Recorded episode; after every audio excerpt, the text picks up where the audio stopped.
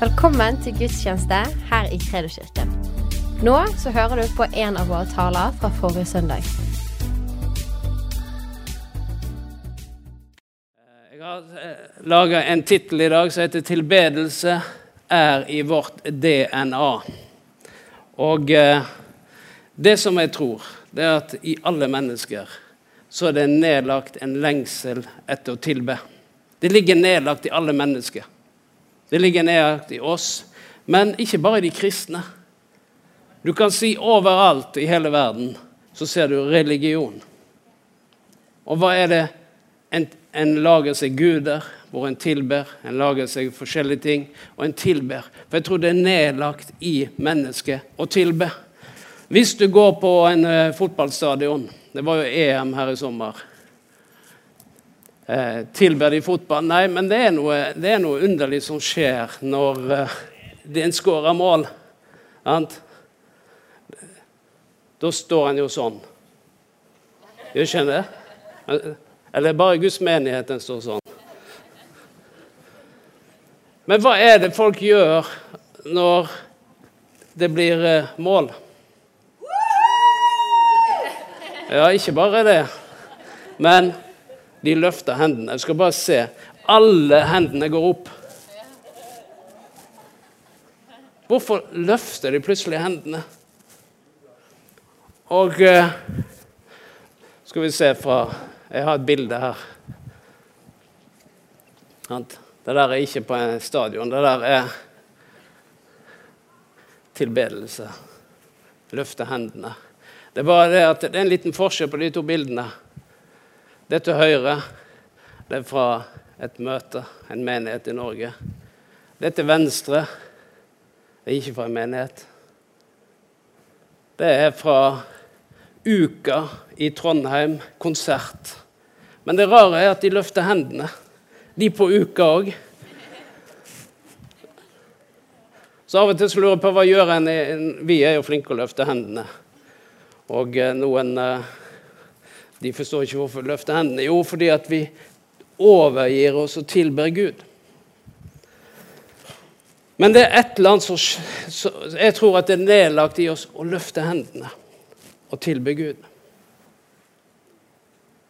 Men når vi ikke tilber Gud, så er det bare et eller annet i oss som det er et eller annet som bare skjer. Har du lagt merke til det?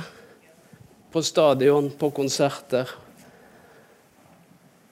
fordi at eh, jeg tror at dette med å tilbe, det er noe som er nedlagt i oss. Og så kan vi tilbe forskjellige ting. Vi kan gi forskjellige ting vår oppmerksomhet.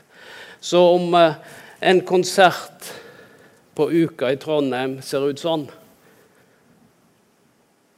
så er spørsmålet hvordan er det i Guds menighet.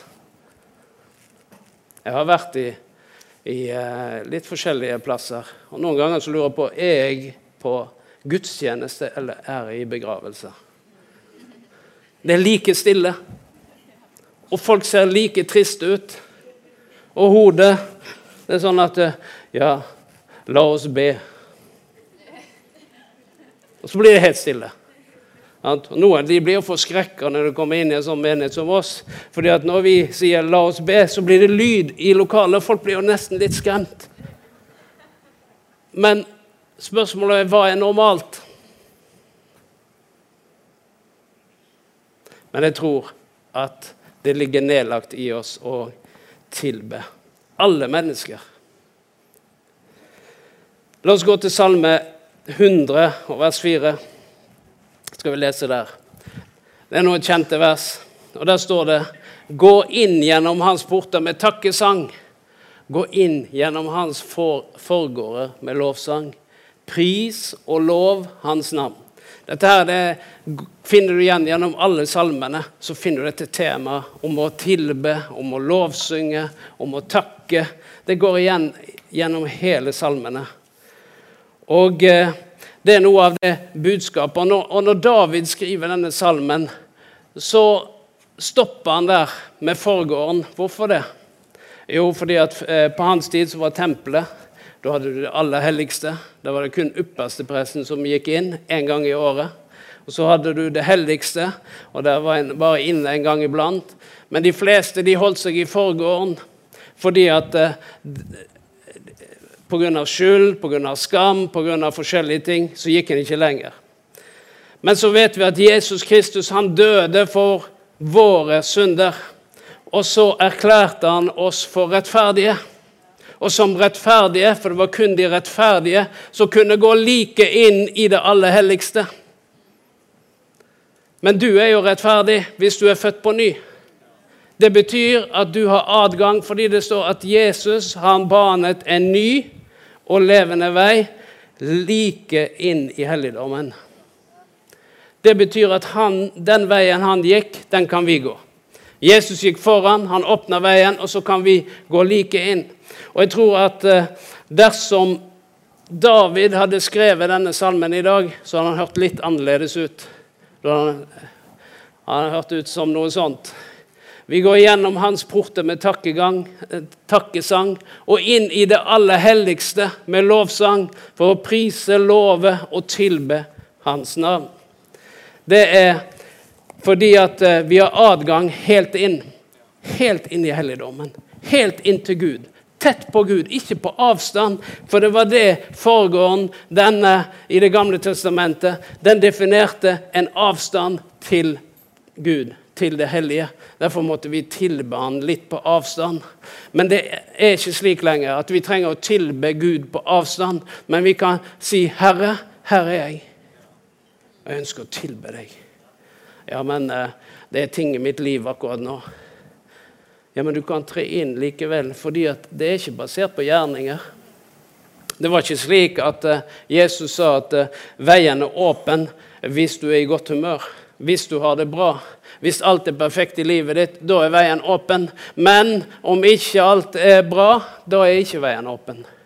Men det er slik vi noen ganger tilnærmer oss Gud.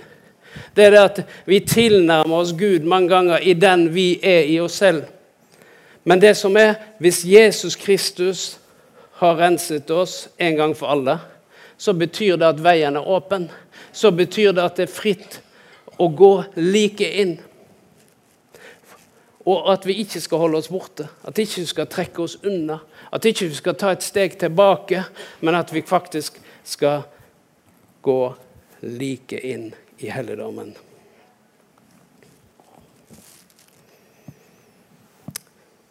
Hebreabrevet 13, vers 15 skal vi se litt på. Der står det slik.: La oss derfor ved ham alltid bære fram lovprisningsoffer for Gud, dvs. Si frukt av lepper som lover hans navn. Jeg leste en gang til. Derfor, ved ham La oss derfor ved ham alltid bære fram lovprisningsoffer for Gud, dvs. Si frukt av lepper som lover hans navn. Her står det et ord 'alltid'. At vi skal alltid bære fram lovprisningsoffer. Eh, og da er spørsmålet hva indikerer dette alltid? Er at du gjør det hele tiden. At du gjør det regelmessig. Eller at du gjør, eh, det eneste du gjør, det, er å, å, å, bære fram lovprisningsoffer. Det er ikke det det betyr. Det er jo sånn at eh, eh, jeg pusser alltid tennene. Jeg vet ikke om du gjør det, men jeg gjør det i hvert fall. Men jeg pusser alltid tennene. Betyr det at det eneste jeg gjør, er å pusse tennene? Nei. Og Derfor er spørsmålet hva er definisjonen eh, på alltid? Er det at det er kun det du gjør?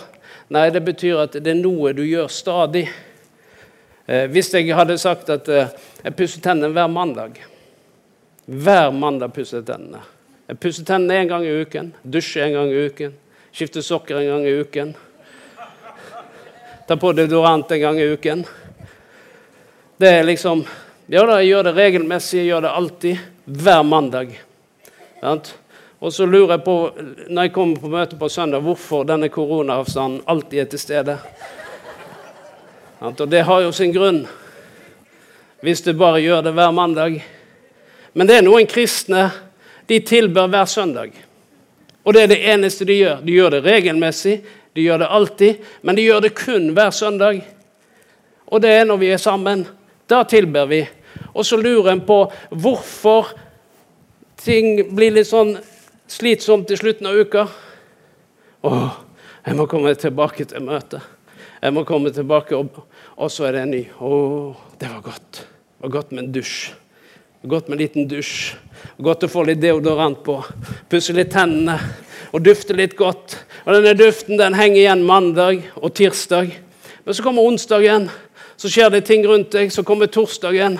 Så nærmer du deg helg, og du er jo helt sliten fordi at du er helt tom. Du er jo tømt for alt du har. Så du tenker Hva, nå må jeg slappe av. Ok, ta på TV-en. Gjør det, gjør det. Forskjellige ting. Fordi at jeg må jo vente når det er søndag. En ny dusj. Noen lever på denne måten. Og så lurer en på hvorfor er det så tungt å tilbe når vi kommer sammen? For noen ganger så kan det oppleves som litt tungt når vi begynner å tilbe. Hvorfor det? Jo, fordi at hvis du det eneste gangen du tilber, er hver søndag klokka 11 eller klokka 6, da tilber du, og det er den ene gangen i uka, så er det klart at det er nesten som du må liksom Før i tiden så hadde de sånne Jeg husker vi hadde en sånn eh, båt med en sånn totakters båt. Så de sveiv den i gang.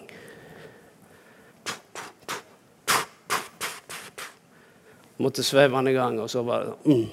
Og han, det tok litt tid, og så der plutselig Så begynte han å gå. Men det er nesten sånn av og til når vi kommer sammen på søndag. Så er det lovsangerne de står her vet du, og sveiver for livet. Men de får jo ikke i gang denne maskinen. Og de bare tenker vi må bare presse på litt til. Og så, og så der plutselig der kommer han i gang, og så kjenner jeg å, nå er Gud her. Uh! Og jeg tror at uh, hebreerne her prøver å si oss noen ting. Det er at vi alltid bærer fram lovprisningsoffer, så er det noe som skjer hele tiden. Ikke engang i uken, men hver eneste dag. Flere ganger i uken så skjer dette. Fordi at det å tilbe, det er en del av vårt DNA. Det er helt naturlig. Det ligger nedlagt i oss å tilbe. Og derfor så fins det noe som er naturlig. Ifølge studiebibelen så står det noe om dette lovprisningsofferet. Så, så leste jeg studiebibelen og tenkte hva, hva står det om Lufrisingsoffer? Og da står det der at det indikerer ikke at det er noe som handler om noe periodisk og rituelt, men at det er stadig og åndelig. Så det er noe åndelig vi holder på med når vi tilber. Det er ikke bare noe vi gjør rent sånn religiøst, rituelt, fordi at jo, men kristne skal jo tilbe, kristne skal jo be, kristne skal jo gjøre det, og kristne skal jo det. Derfor gjør jeg det. Fordi det er min kristne plikt. Men jeg tilber ikke fordi det er min kristne plikt, men fordi at det kommer noe innifra. Det er noe her av takknemlighet som stiger opp i mitt indre. Og i den takknemligheten så er det ofte at hendene følger med. Hvor jeg begynner å gi Gud mitt lovprisningsoffer. I eh, noen oversettelser så sier dette siste dette lepper som priser hans navn, så, så sier det det at eh, Oversatt slik at det er en hyllest til Gud. Det er en hyllest til Guds navn. Og det er det vi gjør når vi tilber. Så hyller vi Gud. Vi bare tilber Han av hele oss. Og det er noe av denne takknemligheten for det som Gud har gitt oss, den gjør at det bare kommer ut. Det kommer ut. Det er frukten av leppene. Det kommer ut. Skal vi se litt hva Jesus sa om tilbedelse, hvis vi går til Johannes 4?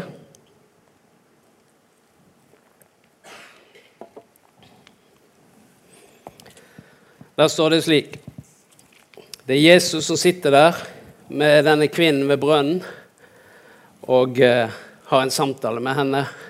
Og ute i samtalen så kommer denne kvinnen inn på tilbedelse. Og så sier hun her Våre fedre tilba Gud på dette fjellet. Men dere sier at Jerusalem er stedet der vi skal tilbe. Jesus sier til henne, tro meg, kvinne, den time kommer da det verken er på dette fjellet eller i Jerusalem dere skal tilbe Far. Dere tilber det dere ikke kjenner, men vi tilber det vi kjenner, for frelsen kommer fra jødene. Men den time kommer, ja, den er nå, da de sanne tilbedere skal tilbe Far i ånd og sannhet. For Faderen søker dem som tilber ham slik. Gud er ånd, og den som tilber ham, må tilbe i ånd og sannhet. Og det Jesus han sier noe om den sanne tilbederen her.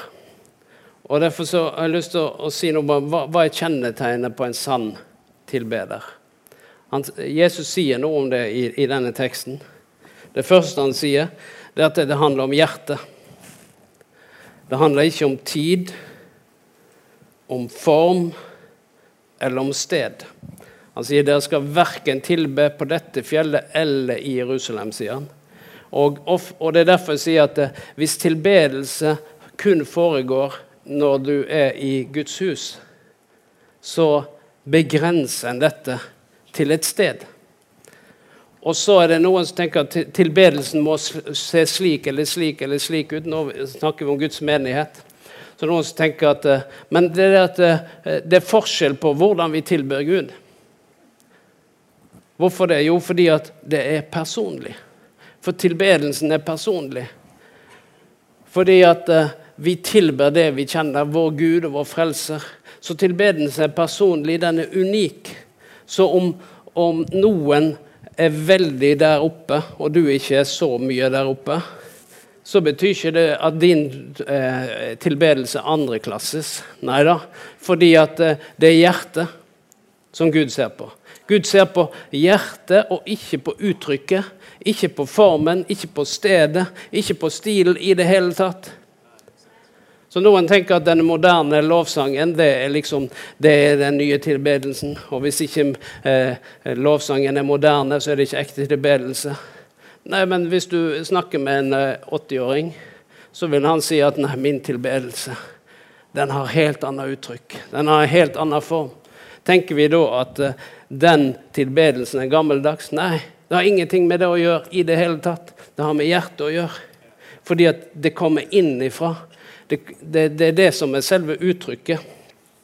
Og Så kan det være at eh, vi kjenner oss igjen i forskjellige stilarter og uttrykk, og alt sånt, som gjør at vi noen ganger lettere kan koble oss på. Det er fordi at kanskje det er det en er vokst opp med, osv. Men tilbedelse, det kommer innenfra. Og det foregår i sannhet, står det. Og det er fordi at den er ekte. Det er fra ditt hjerte til Guds hjerte. Fra ånd til ånd. Det er derfor det står 'i ånd og i sannhet'. Det er fordi at det er ditt hjerte som kobler seg med Guds hjerte.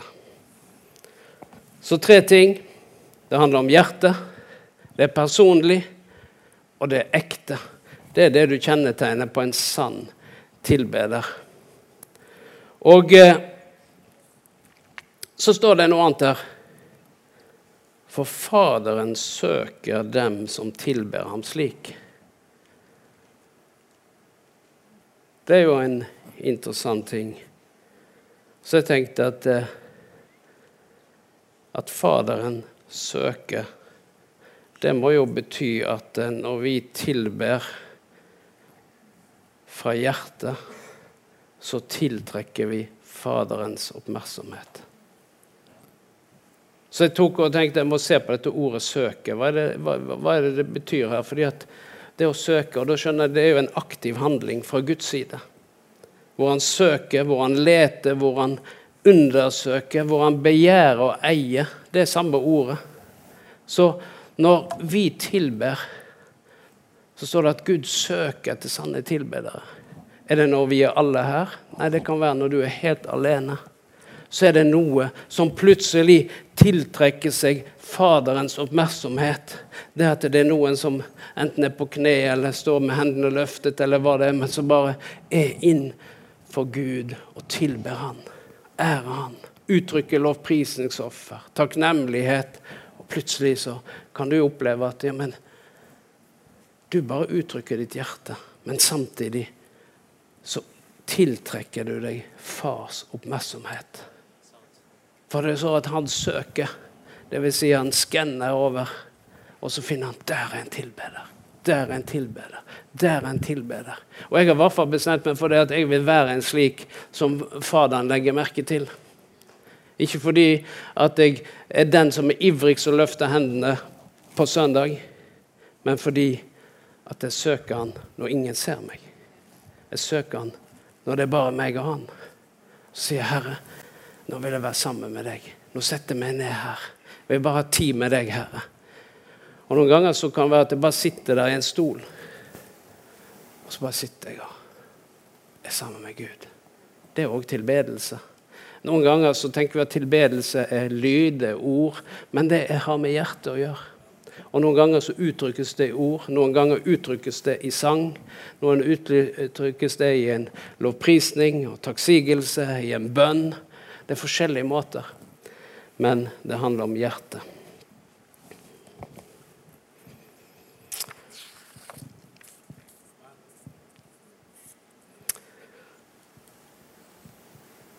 Jeg skrev til overskrift her at uh, tilbedelse at det er en del av vårt DNA.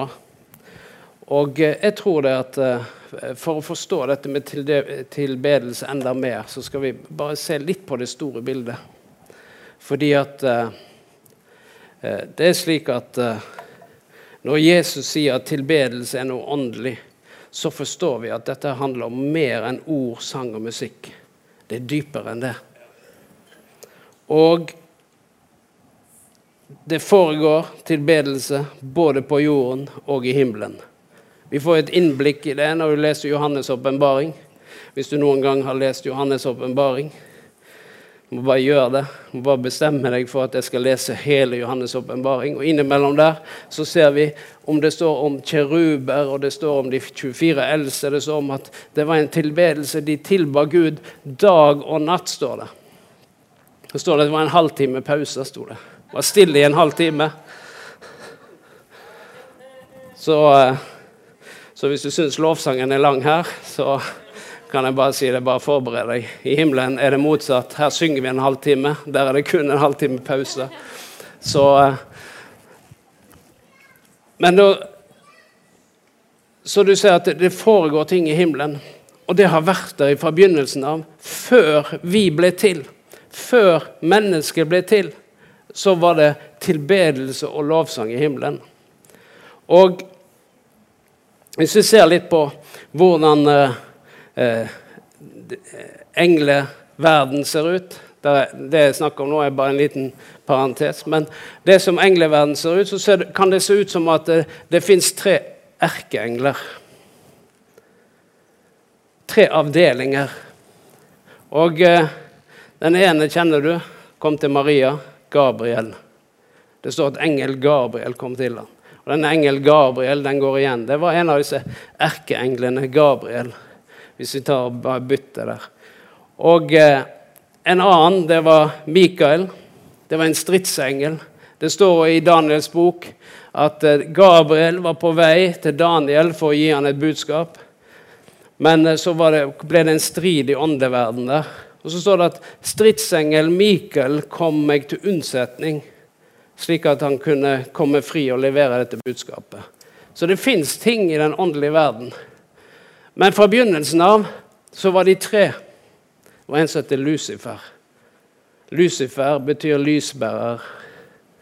Og han hadde, Det står at han utsmykka seg med all slags flotte steiner, og han hadde harpe.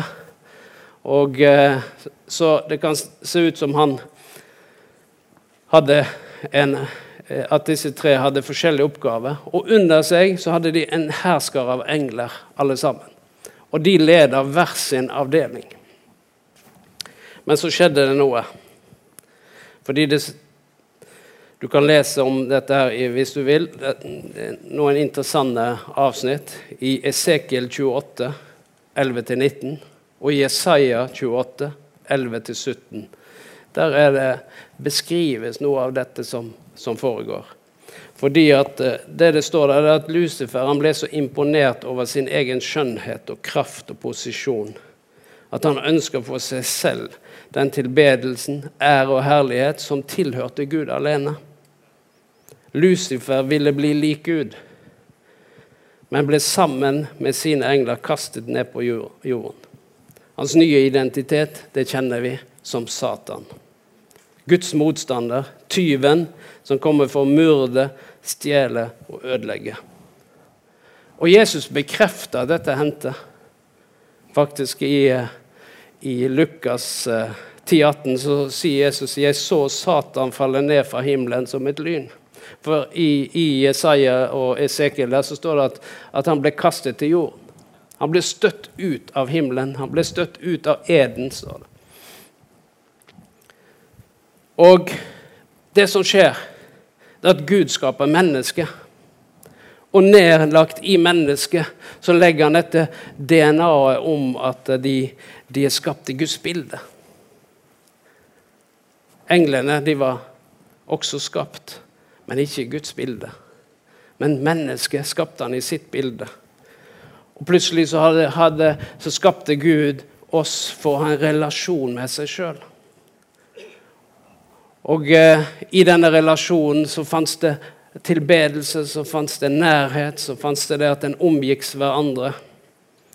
Og eh, Gud alene fikk all tilbedelse.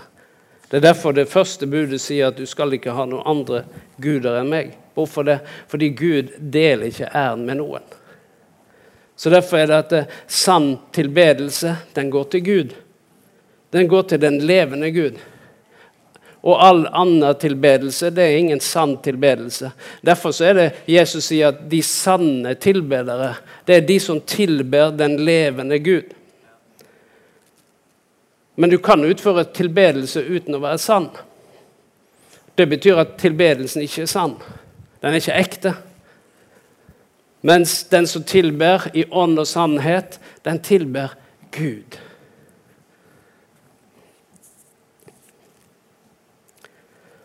Så plutselig så ser vi det at eh, denne Satan som ville ha tilbedelse, han blir kasta ut. Og så skaper Gud mennesket og så begynner de å tilbe Gud. Ære Gud. Og eh, så blir djevelen han der kasta ut. Han får mennesket til å falle. Men så gjenoppretter Gud alt gjennom Jesus Kristus. Og så foregår det mer og mer tilbedelse rundt omkring. fordi det bare øker på. Det bare øker på. Fordi det blir flere og flere troende rundt omkring på kloden enn noen gang. Det er ikke slik at det blir færre og færre, nei, det blir flere og flere. Hver eneste år så øker antall troende i verden. Og det betyr at det blir mer tilbedelse. Det blir mer lovsang. Det blir mer bønn. Det blir mer Guds rike. Men det er bare det at Satan vil selv ha tilbedelsen. Derfor så hater han når din tilbedelse er sann og ekte. Han gjør hva han kan, for han vil jo helst ha tilbedelsen selv.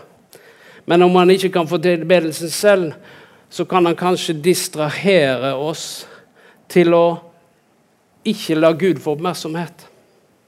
Til at ukene våre eller tiden vår den blir så opptatt med så mange at vi glemmer. Det er ikke det at vi ikke vil, men vi glemmer. Vi fikk ikke tid. Det var så travelt. Så det å tilby Gud, det, det blir skyvet bort hele tiden. Det blir nedprioritert. 'Å, jeg var så trøtt når jeg sto opp i dag.' Ja, jeg tar det i morgen. Men du var like trøtt dagen etter. Det var bare det som var.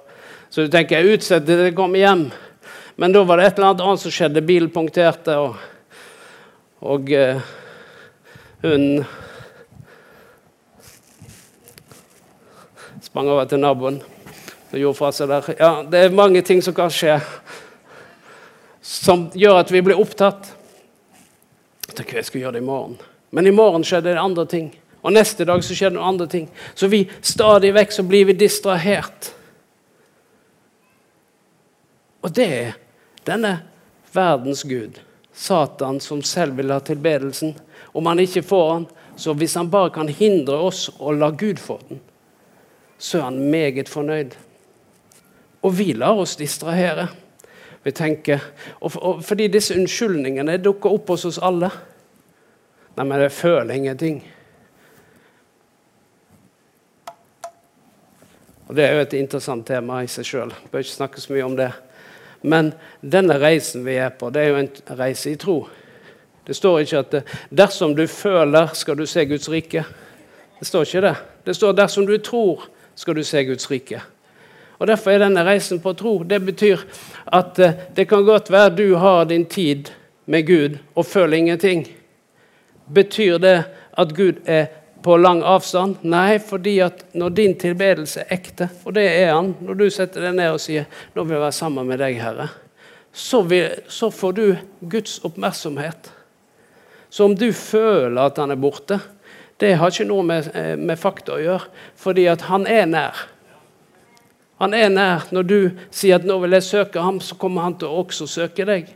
Så møtes da himmelen og jorden der på ditt bønnekammer. Men det som òg skjer, det er at når vi kommer sammen og tilber, da, så har du vært der på forhånd. Men jeg tror at Guds engler, de elsker det. Så jeg har en eh, sak her. Det er at jeg tror at eh, tilbedelse holder demonene på avstand og tiltrekker seg Guds engler. Jeg husker for noen år siden, da jeg var veldig liten gutt, så var vi på telttur. Og eh, min bestefar, farfar, han var også med på telttur. Og vi slo opp teltet der to telt, hadde en liten teltleir. Men det var veldig mye mygg. Det bare oste av mygg rundt der.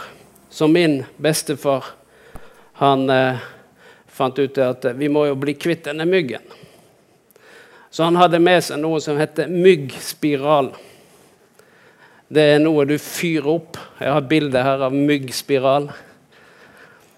Så det er sånn som du fyrer opp. Men det var det at han satte ikke opp én. Nei da, det var liksom, vi satt jo der rundt, og han hadde en der, en der. og Det var liksom rundt overalt. For han skulle bare holde myggen vekke. Det som var, det var at det var nesten sånn at vi òg måtte holde oss vekke, for det ble så mye os rundt der. Men myggen holdt seg vekke fordi at eh, det var noe i atmosfæren. Det var noe duft som ble sluppet ut, som denne myggen ikke likte. Så jeg syns, jeg, jeg, jeg det bildet der var litt etter høyre. Du ser den myggen er helt bundet. Så jeg tenker det er sånn det skjer med demonene òg. Det er at de blir helt bundet når du begynner å lovprise. Så blir de oppbundet. De klarer ikke å gjøre noen ting. Og de må holde seg borte. For, så, eh, for ut av deg så kommer Kristi vellukt. Og når Kristi velduft kommer ut, så er det bare slik at uh, disse kreftene de må bare vike front. De må holde seg borte. Og Derfor er det at eh, når du Hvis du bruker deodorant én gang i uka, sant, da vet du at da holder folk seg borte. Men hvis du priser Herren og tilber Han regelmessig gjennom hele uka, skal jeg si deg en ting du kommer til å få et bedre liv.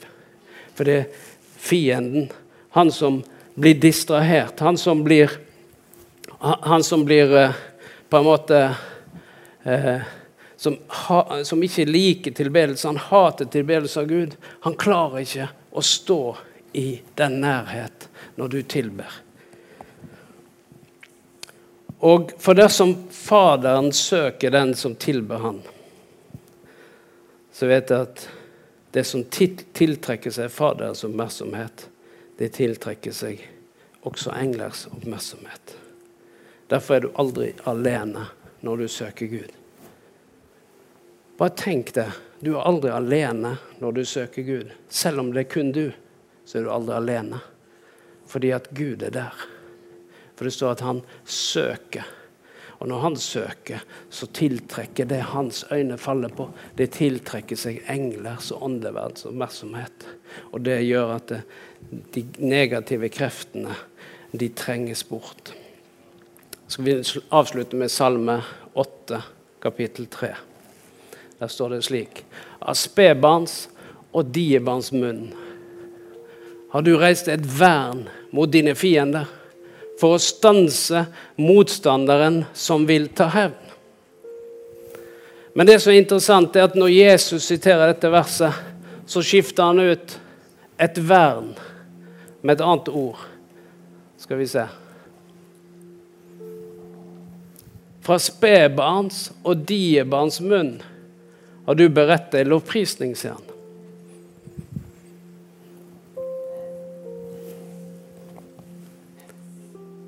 For å stanse motstanderen som vil ta hevn. Så lovprisning er noe kraftfullt. Det, noe, det, det, er mer enn bare ditt personlige forhold til Gud. Det skjer noe rundt deg som du ikke ser med dine fysiske øyne. Men du kommer til å merke det når du begynner å tilbe regelmessig. Det, da kommer du til å merke det. Og eh, Jesus sier egentlig indirekte her at lovprisning er et vern mot dine fiender. Og vil stanse motstanderen som vil ta hevn. Det er noe kraftfullt med tilbedelse. Og mange av oss har oppdaga det. Om du ikke har oppdaga det, så skal du bare se at du kommer til å oppdage det. Det er når du sier at eh, 'jeg vil stadig lovprise deg, Herre'. Jeg vil stadig bringe lovprisningsoffer til deg. Og det som jeg tror vi kommer til å merke, det er at eh, når du gjør det F.eks. i dag er det søndag. Så hadde vi forskjellig morgen før vi kom hit. Noen kom bare hit. Du var mer opptatt av å rekke bussen enn å rekke å få litt tid med Herren. Så din første kontakt med Gud i dag, det var når du kom inn her. Når lovsangen begynte. Og så kanskje du står der og tenker ja, men jeg, jeg fikk ikke så mye ut av lovsangen. Det var en, en dame det som kom og sa det til pastoren. Jeg fikk ikke noe ut av lovsangen i dag, sa hun. Så sa pastoren at ja, men det er ikke deg vi tilber, sa han. Så det handler jo ikke om at jeg eller du skal få noe ut av lovsangen. Det, er jo ikke, det handler jo om at han får noe ut av lovsangen. Men noen ganger så har vi en, det jeg kaller en, en forventning, en urealistisk forventning til hva som skal skje når vi bare kommer sammen. Og når det ikke skjer, så tenker vi det at å, nei, den lovsangen var sikkert ikke forberedt i dag. Og, ja, den gitaren den var litt sur. Og, og kona var litt sur. Og, det er kanskje det som gjør det. Nei. Lovsang, tilbedelse har med hjertet å gjøre. Men tenk hvis vi, når vi kommer sammen Søndag morgen så har du hatt tid med Herren helt alene. Så når du kommer hit, så er du allerede Har du allerede vært innenfor Guds trone. Jeg skal bare si deg en ting. Du kommer til å merke forskjell når vi kommer sammen. Og hvis du har vært sammen med Herren gjennom hele uken, flere sånne kontaktpunkter hvor du har tilbedt Gud, og du har bedt, og du har vært sammen med Han, så kommer du med en helt, helt annen mentalitet. Fordi at eh, du har hatt fritt rom hele uka. Det har vært fritt omkring deg, for du har tilbedt Gud. Og Mange ganger så eh, tenker vi at eh, ja, men jeg må oppleve noe hver gang. Så blir det med tilbedelse blir knytta til en opplevelse. Men vi trenger ikke oppleve noe hver gang vi tilber. Fordi at eh, selve tilbedelsen i seg selv, det handler om mitt hjerte. Hvor jeg ønsker å tilbe Gud og takke Han så kan det skape noen følelser. At Gud kan komme sterkt. Men det er ikke sånn hver gang. Men det kan være sånn innimellom. Men jeg vil bare oppmuntre deg. Bestem deg til å bare ta denne tiden. regelmessig. Og så skal jeg garantere deg én ting. Du kommer til å merke forskjell. Ikke bare du personlig, men når du kommer sammen med de andre troende, så kommer vi alle til å merke forskjell. Og vi kommer til å lure på hva har skjedd med lovsangsgruppen. Har de opplevd en fornyelse? Nei, de har ikke det. De var der hele tiden. Det er du som har opplevd en fornyelse. Det er du, det er du som har flytta på deg. Og da skal du se. Det blir et sånn trøkk, det blir en sånn eh, hengivenhet. Det blir en sånn overgivelse at det kommer til å merkes av alle. Ble du oppmuntret eller fordømt nå? Jo, jeg, ikke, jeg, var jo ikke våken i dag. Jeg forsov meg og greier. Kast det bort. Glem det. Vi snakker om framtiden. Vi snakker ikke om fortiden. Fordi at fortiden kan ikke vi gjøre noe med. Men framtiden, den ligger der i vår hånd. Vi kan ta grep i våre personlige liv med Gud. Og så kommer det til å merkes. Tusen takk for at du lyttet. Følg oss gjerne på Instagram og Facebook, og så snakkes vi neste uke.